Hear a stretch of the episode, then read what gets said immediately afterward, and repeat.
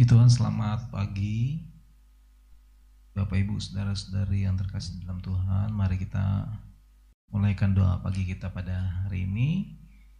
Kita berdoa bersama, terima kasih untuk kebaikan dan kemurahan Tuhan, pemeliharaan yang Tuhan nyatakan. Kami boleh bangun dengan tubuh yang kuat, sehat, dan kami akan memulai hari ini dengan mencari Engkau, menikmati Engkau, mau mendengarkan, membaca firman-Mu, kami mau merenungkan ya Tuhan, dan kami mau menyembah Engkau. Biar Tuhan kuduskan, biar Tuhan urapi, Tuhan berkati. Ibadah ini ya Tuhan kami mulaikan dalam nama Tuhan Yesus Kristus. Haleluya. Amin. Puji Tuhan. Bacaan kita pada pagi hari ini terdapat di dalam Matius pasal yang ke-8 dan dengan hormat mohon nanti Ibu Livia yang akan memimpin kita di dalam pembacaan. Pada Ibu Livia disilakan. Terima kasih buat kesempatan hari ini untuk membacakan firman Tuhan yang terdapat di dalam Matius pasal 8. Yesus menyembuhkan seorang yang sakit kusta. Setelah Yesus turun dari bukit, orang banyak berbondong-bondong mengikuti dia maka datanglah seorang yang sakit kusta kepadanya. Lalu sujud menyembah dia dan berkata, Tuhan, jika Tuhan mau, Tuhan dapat mentahirkan aku. Lalu Yesus mengulurkan tangannya, menjamah orang itu dan berkata, Aku mau, jadilah engkau tahir. Seketika itu juga tahirlah orang itu daripada kustanya.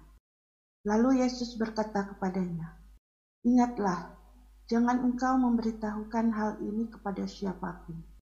Tetapi pergilah, perlihatkanlah dirimu kepada imam, dan persembahkanlah persembahan yang diperintahkan Musa sebagai bukti bagi mereka. Yesus menyembuhkan hamba seorang perwira di Kapernaum. Ketika Yesus masuk ke Kapernaum, datanglah seorang perwira mendapatkan dia dan memohon kepadanya, Tuan, hambaku terbaring di rumah karena sakit lumpuh dan ia sangat menderita. Yesus berkata kepadanya, Aku akan datang menyembuhkannya. Tetapi jawab perwira itu kepadanya, Tuan, aku tidak layak menerima Tuan di dalam rumahku. Katakan saja sepatah kata, maka hambaku itu akan sembuh. Sebab aku sendiri seorang bawahan, dan di bawahku ada pula prajurit.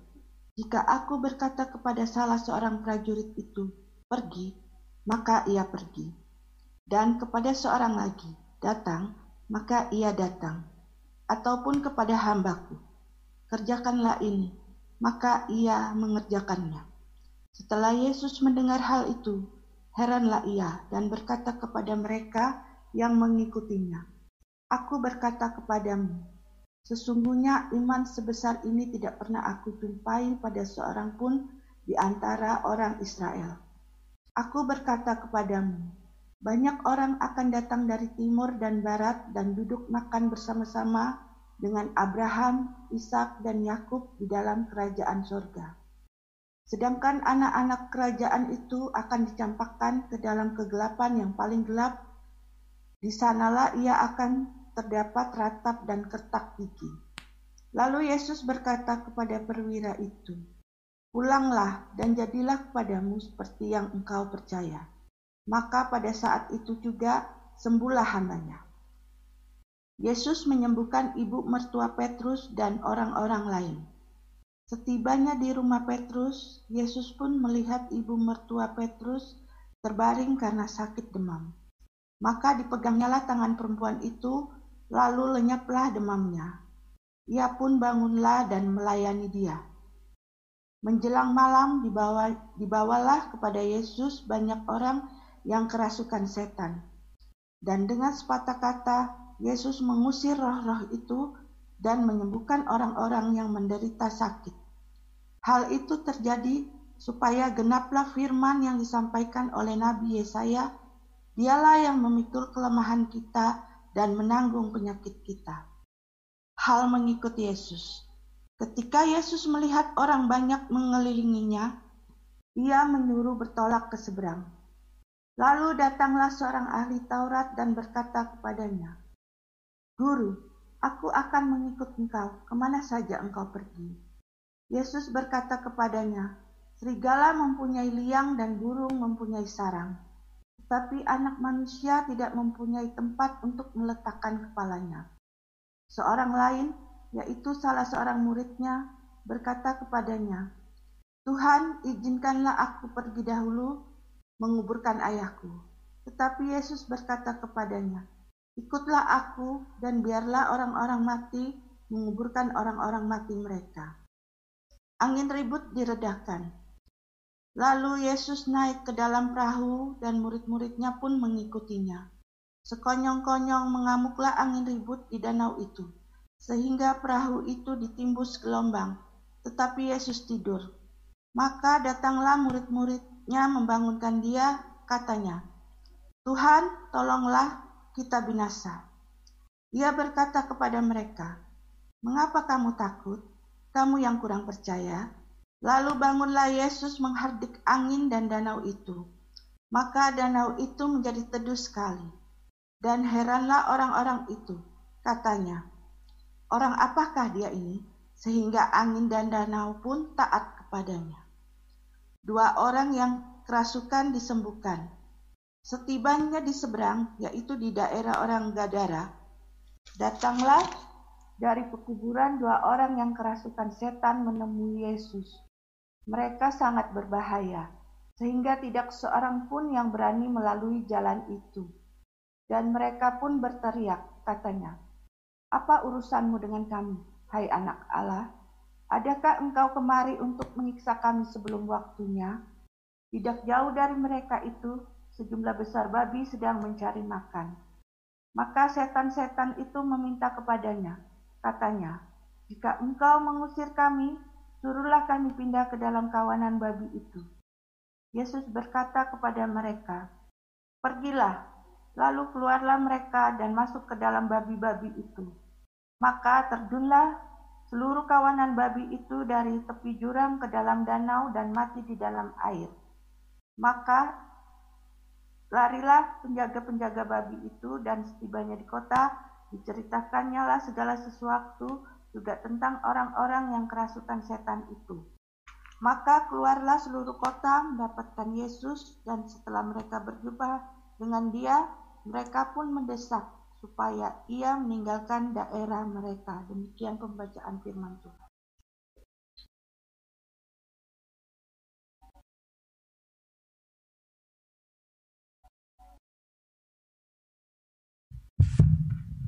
Puji Tuhan Tuhan Yesus memberkati. Terima kasih Bu Livia. Hari ini saya akan memberikan tema pemberitaan firman Tuhan pada pagi hari ini yaitu antara otoritas dan iman. Ya, iman dan otoritas. Nah, menarik sekali karena di dalam Matius 8 ini menunjukkan otoritas Tuhan. Ada beberapa perikop yang terdapat di dalam Matius pasal yang ke-8 ini kalau kita perhatikan sama-sama mulai dari ayat 1 sampai dengan ayat yang keempat menuliskan mengenai orang yang sakit kusta, saudara. Nah, uh, kita paham, kita mengerti sama-sama bahwa di dalam perjanjian lama, saudara, uh, hukum Taurat mengatakan bahwa orang yang sakit kusta apabila tersentuh dengan orang yang sehat, maka orang yang sehat itu, saudara, menjadi najis. Nah, tetapi kita lihat sama-sama bahwa Tuhan Yesus menunjukkan otoritasnya terhadap hukum Taurat sehingga bukan Yesus yang menjadi najis tetapi orang yang sakit kusta ketika menerima sentuhan daripada Yesus maka dialah yang disembuhkan. Tuhan Yesus menunjukkan bahwa dia memiliki otoritas terhadap hukum Taurat. Yang kedua kita lihat sama-sama di ayat yang kelima sampai dengan ayat yang ke-13 Lalu di ayat yang ke-14 sampai dengan ayat yang ke-17 ada dua perikop di sini yang menunjukkan bahwa uh, ada orang-orang yang sakit. Yang pertama adalah hamba dari perwira di Kapernaum dan yang kedua mengenai ibu mertua Petrus yang sakit, Saudara. Tetapi sekali lagi Tuhan Yesus menunjukkan otoritasnya terhadap apa? Terhadap sakit penyakit, Saudara yang dalam Tuhan. Nah, di dalam banyak catatan bahwa Yesus berkeliling Saudara di ayat yang ke-16 di sini dikatakan bahwa Yesus berkeliling sering Islam Tuhan uh, ke, ke berbagai tempat dan kemudian dikatakan bahwa dibawa kepadanya orang-orang yang sakit. Dan firman Tuhan katakan bahwa Yesus menyembuhkan orang-orang tersebut yang menderita sakit. Sering Tuhan, puji Tuhan. Nah, yang berikutnya otoritas atas apa? Ayat yang ke-18 sampai ayat yang ke-22 menunjukkan saudara otoritas Tuhan atas murid-muridnya. Saya ingin katakan sering Tuhan bahwa Tuhan memiliki kuasa atas semuanya, otoritas atas semuanya, tetapi ada satu hak khusus yang diberikan kepada manusia bahwa manusia bisa memilih sering Tuhan. Kita bisa memilih. Kita mau tunduk kepada siapa? Kita menghamba kepada siapa? Ya, saudara itu dalam uh, pasal-pasal sebelumnya dalam Matius dikatakan bahwa kita bisa saja menghamba kepada mamon, saudara. Bisa saja seseorang menghamba kepada uh, kuasa kegelapan, sering Tuhan, walaupun tidak sepatutnya seperti itu. Tetapi tanpa disadar manusia bisa memilih untuk tunduk atau menghamba kepada mamon. Itu sebabnya saudara di bagian lain dalam Roma dikatakan saudara yang Tuhan bahwa kita harus lepas daripada perhambaan itu. Bagaimana caranya? Yaitu dengan kita meletakkan hidup kita di bawah otoritas Tuhan, menjadi seorang hamba Tuhan, Saudara ya. Sebabnya ayat 18 sampai ayat yang ke-22 menunjukkan otoritas Tuhan atas murid-muridnya. Nah, ayat 23 sampai 27 Otoritas apa lagi yang ditunjukkan oleh Tuhan? Yaitu atas alam, saudara, atas alam. Ketika angin rebut diredakan. Yang menarik lagi sering sama Tuhan di ayat yang ke-28 sampai dengan ayat yang ke-34.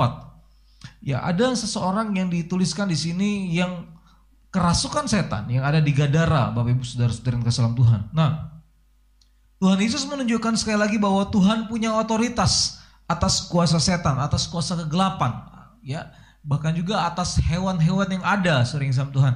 Sehingga di kisah tersebut di perikop ini ketika dua orang ini kerasukan sering sama Tuhan di situ dikatakan bahwa uh, setan kemudian berpindah ke dua ribu uh, ke dua ribu babi yang ada sering sama Tuhan. Ya, tentu kalau saudara perhatikan sama-sama kenapa uh, Tuhan izinkan karena nampaknya ada satu kerugian secara ekonomi. Tapi kita patut pelajari bersama-sama dan kita mengerti sama-sama bahwa bagi orang Israel babi itu haram. Ya.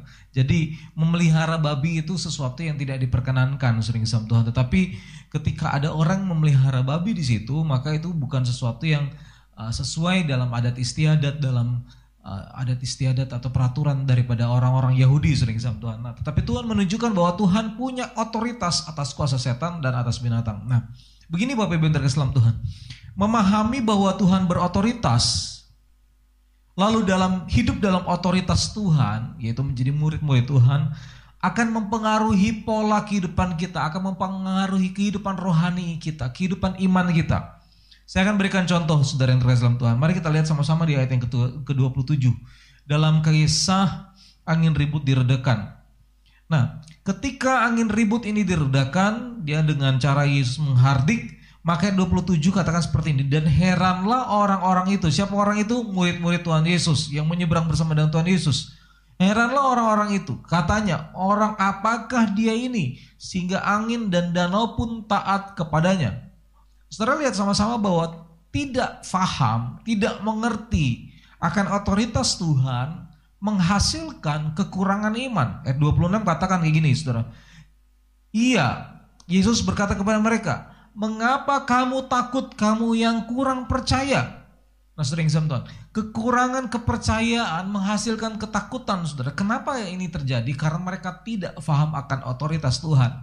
Ketika mereka paham bahwa Tuhan itu adalah Tuhan yang berotoritas atas segala sesuatu yang termasuk atas alam, maka bisa dipastikan bahwa mereka tidak akan takut terhadap saudara badai itu. Tetapi ketika mereka tidak paham akan otoritas Tuhan, maka sering Tuhan mereka menjadi orang yang takut karena mereka tidak percaya, kurang percaya sering sama Tuhan, ya. Nah, sebaliknya, ketika kita faham otoritas Tuhan, maka itu menyirnakan keraguan. Amin. Menyirnakan keraguan, meneguhkan iman kita dan menghasilkan mujizat. Nah, saya ingin saudara mengajak kita memperhatikan sama-sama kisah di pasal yang ke-8 ini ayat yang kelima sampai dengan ayat yang ke-13 mengenai Yesus menyembuhkan hamba seorang perwira di Kapernaum. Nah, kita lihat sama-sama bahwa ada kasus di sini yaitu uh, hamba dari perwira ini saudara sakit ya terbaring di rumah karena sakit lumpuh. Dan ayat yang ke-6 katakan sangat menderita. Nah saudara, Tuhan Yesus berkata bahwa aku akan datang menyembuhkan. Ada pola, saudara, ada kebiasaan uh, bahwa Yesus itu harus hadir gitu, saudara. Yesus itu harus hadir dan salah satu pola yang paling banyak adalah ada sentuhan yang Yesus buat sering sama Tuhan. Itu sebabnya kalau Bapak Ibu Saudara-saudari mengingat mengenai seorang wanita yang 12 tahun pendarahan, Saudara dia bilang di dalam hatinya asal ku jamah saja, asal ada sentuhan saja maka aku pasti sembuh. Karena ini pola yang uh, sering kali terulang, berulang kali ada jamahan, ada sentuhan sering sama Tuhan. Ya, sebabnya Tuhan katakan aku akan datang. Menarik sekali karena ayat yang ke-8 perwira itu bilang kepada Tuhan Yesus, Tuhan aku tidak layak menerima Tuhan di dalam rumahku. Katakan saja sepatah kata, perhatikan katakan saja sepatah kata maka hambaku itu akan sembuh. Sebab aku sendiri seorang bawahan dan di bawahku ada pula prajurit. Jika aku berkata kepada salah seorang prajurit itu pergi, maka ia pergi dan kepada seorang lagi datang, maka ia datang. Ataupun kepada hambaku ini, kerjakanlah ini, maka ia mengerjakannya. Saudara perhatikan sama-sama bahwa apa hubungan antara seorang pimpinan dengan seorang bawahan? Hubungannya adalah sering sama Tuhan, pimpinan punya otoritas. Ketika pimpinan berkata, contohnya ya, pergi. Maka bawahan dia taat kepada otoritas pimpinan, dia pergi. Ketika pimpinan berkata bahwa datang, maka sering sama Tuhan, bawahan ini akan datang. Ketika sang pimpinan berkata bahwa kerjakan sesuatu hal ini sering sama Tuhan, maka di dalam saudara uh, skema tingkatan daripada jabatan sering sama Tuhan, otomatis yang di atas dia punya otoritas untuk memerintahkan kepada anak buahnya kerjakan hal ini. Nah, sebenarnya sering sama Tuhan kalau kita perhatikan sama-sama mulai dari ayat yang ke 7 sampai 8 ini, Saudara, ketika dia berkata ya, sorry, 7 sampai 9 ini ketika dia berkata, katakan saja sepatah kata. Maka perwira ini sedang menempatkan dirinya di bawah otoritas daripada Tuhan. Saudara. Dia sedang menempatkan walaupun saudara secara mungkin saudara secara pemerintahan Yesus bukan siapa-siapa pada waktu itu di kalangan orang Romawi. Ya, perwira ini namanya saja perwira sering sama Tuhan, maka dia punya punya kuasa, Saudara. Dia punya kuasa. Tetapi ketika dia berkata sering sama Tuhan di ayat yang ke-8 dan ayat 9 ini dia sedang menempatkan di, dirinya di bawah otoritas daripada Tuhan. Nah, saudara perhatikan sama-sama bahwa di situ juga dia menunjukkan imannya sehingga dia bilang Tuhan asal engkau berkata saja maka hambaku itu akan sembuh. Dia memahami bahwa bukan saja dia ada di bawah otoritas daripada Tuhan, tetapi dia sedang memahami bahwa dia menyadari, dia mengatakan bahwa bahwa sakit penyakit itu pun sering sama Tuhan ada di bawah kuasa daripada Tuhan. Saudara, dia sedang menyatakan bahwa saudara terkasih sama Tuhan bahkan kelempuhan ini, kita tahu sama-sama lumpuh ketidakberdayaan, ya tidak bisa berjalan, tidak bisa, ya saya ini lagi agak bermasalah saudara, kaki saya, ya terbatas untuk beraktivitas. Tapi orang lumpuh, dia tidak bisa berbuat apa-apa Bapak Ibu yang terkasih dalam Tuhan. Kalau kita perhatikan sama-sama bahwa kelumpuhan ini dikatakan bahwa dia sangat menderita. Ya lumpuh entah lumpuh kakinya atau uh, lumpuh tangannya atau semuanya saudara yang terkasih dalam Tuhan. Saya rasa mungkin semuanya dia tidak bisa apa-apa saudara. Seperti orang yang stroke yang harus bed rest. Saudara. Tetapi firman Tuhan sering Tuhan menuliskan bahwa iman daripada perwira ini menyatakan bahwa sakit penyakit pun dengan segala kuasanya ada di bawah otoritas daripada Tuhan. Tunduk kepada otoritas Tuhan. Nah, saudara perhatikan sama-sama di ayat 10. Setelah Yesus mendengar hal itu, heranlah ia dan berkata kepada mereka yang mengikutinya, Aku berkata kepadamu sesungguhnya iman sebesar ini tidak pernah aku jumpai pada seorang pun di Israel. Saudara Tuhan heran dengan iman. Dalam banyak catatan di Injil sering sama Tuhan tidak banyak ditemui mengenai Yesus heran. Hanya dua saja. Yaitu ketika minim sekali terjadi mujizat di tanah kelahirannya, sorry bukan di tanah kelahiran, di tanah tempat dia besar yaitu di Nazaret, sunnah sama Tuhan. Sehingga Tuhan heran akan ketidakpercayaan mereka. Tetapi di sini dituliskan Yesus heran akan iman daripada perwira ini. Saudara lihat sama-sama garis atau benang merahnya, saudara hubungannya.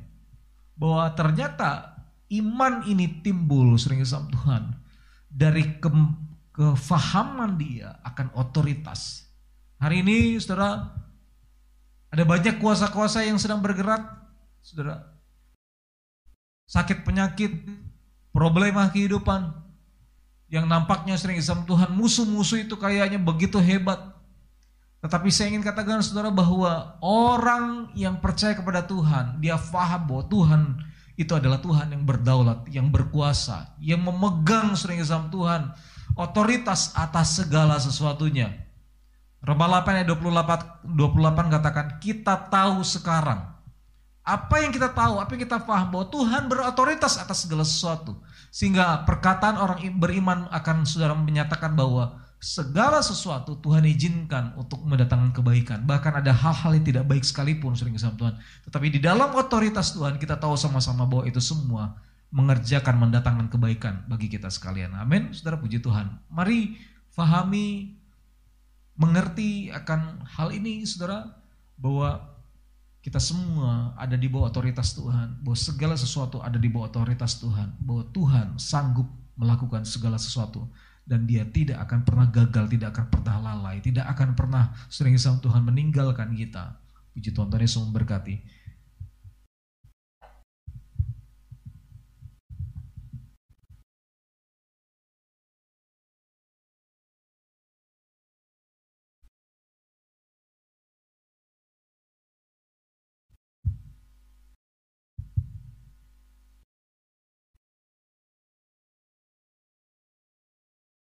Haleluya. Tuhan Yesus baik. Sudah mendengarkan firman Tuhan, di mana kita tahu bahwa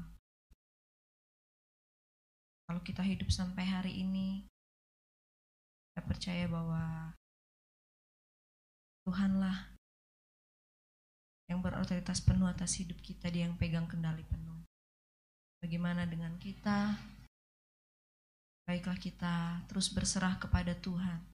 Terus tunduk di bawah otoritas kuasa Tuhan. Sebab dia Allah yang besar, dia Allah yang sanggup melakukan segala perkara. Dia sanggup menyembuhkan yang sakit. Dia sanggup mentahirkan orang kusta. Dia sanggup meredakan angin ribut. Dia sanggup melepaskan orang dari kuasa jahat. Dia sanggup membawa kita sampai kepada kekekalan. Bab Yesus Tuhan, Engkau Allah yang mulia, namamu mulia. Yesus Allah kami, besar kuasamu Tuhan, dahulu sekarang dan sampai selamanya. Kuasamu tidak pernah berubah. Haleluya. Engkau sanggup melakukan perkara yang besar di dalam hidup kami Tuhan. Engkau sanggup memulihkan hidup kami. Terima kasih Tuhan. Haleluya. Yesus Tuhan mulialah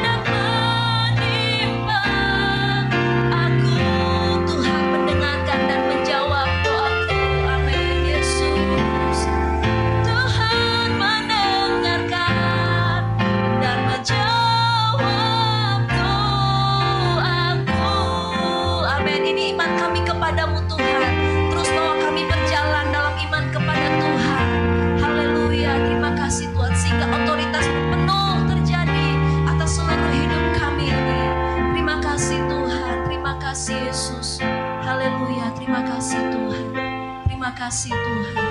Terima kasih Tuhan Yesus Engkau baik. Kita akan berdoa. Kita di dalam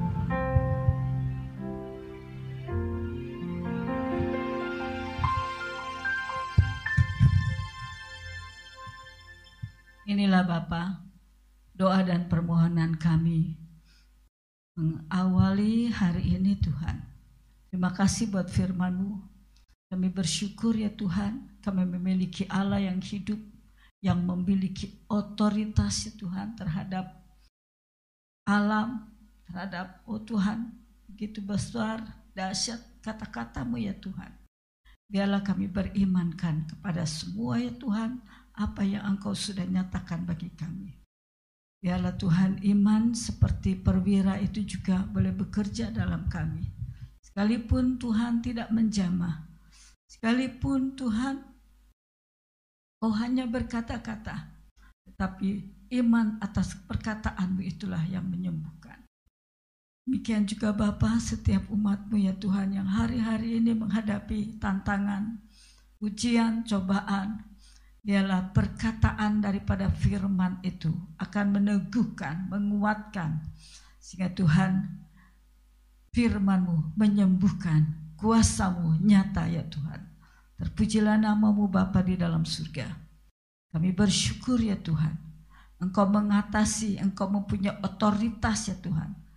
Terhadap hukum-hukum Taurat yang begitu sulit bagi orang-orang yang bukan umat Israel. Tapi kami bersyukur kami boleh dihisapkan ya Tuhan. Jadi anak-anak Tuhan. Terpujilah namamu Bapa. Terima kasih. Berkati hamba-hambamu Nah anakmu yang sudah ambil bagian di dalam pelayanan pada pagi hari ini. Yang membaca firman Tuhan berkati, yang menyampaikan doa Tuhan memberkati, yang menyampaikan firman Allah Tuhan memberkati, dan semuanya Tuhan diberkati oleh Tuhan. Oh terima kasih yang memimpin puji-pujian, worship leader, singer Tuhan memberkati. Kami mau jalani hari ini Tuhan bersama-sama kami. Persiapkanlah hati, hidup, dan jiwa kami Tuhan. Sehingga kalau besok kami beribadah, besok kami akan bersama-sama ya Tuhan kembali menikmati akan perjamuan. Mengingat kembali akan kasih-Mu, mengingat akan penderitaanmu di kayu salib, di Taman Getsemani. Biarlah Tuhan itu menambah-nambahkan umat iman percaya kami kepada Tuhan dan mengasihi Engkau Bapa. Terpujilah namamu Tuhan. Kami jalani hari ini bersama-sama dengan Tuhan. Kami tutup ibadah kami pagi ini dalam nama Bapa, Putra, dan Roh Kudus. Dalam nama Tuhan Yesus Kristus. Haleluya, haleluya, haleluya. Amin. Selamat pagi. Selamat pagi semuanya. Tuhan Yesus memberkati. Terima kasih Bu Livia. Memberkati Pak Pusen, Pak Yako, Bu Mariani, C. Erna, Pak Ferdi. Wah, langsung hadapi badai nih Pak Ferdi.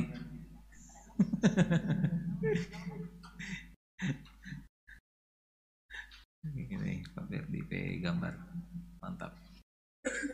Memberkati Bu Ririn, Ciana, Mama Alfi Bu Eti, Pak Widodo, Matthew, Bu Lisa, Bu Rida, Bu Indah, Pak Eri, Jo, Pak Geropis. Selamat beraktivitas. Selamat pagi semuanya dan Selamat pagi. Pagi semua. Selamat pagi. Besok berubah lagi pemikirannya.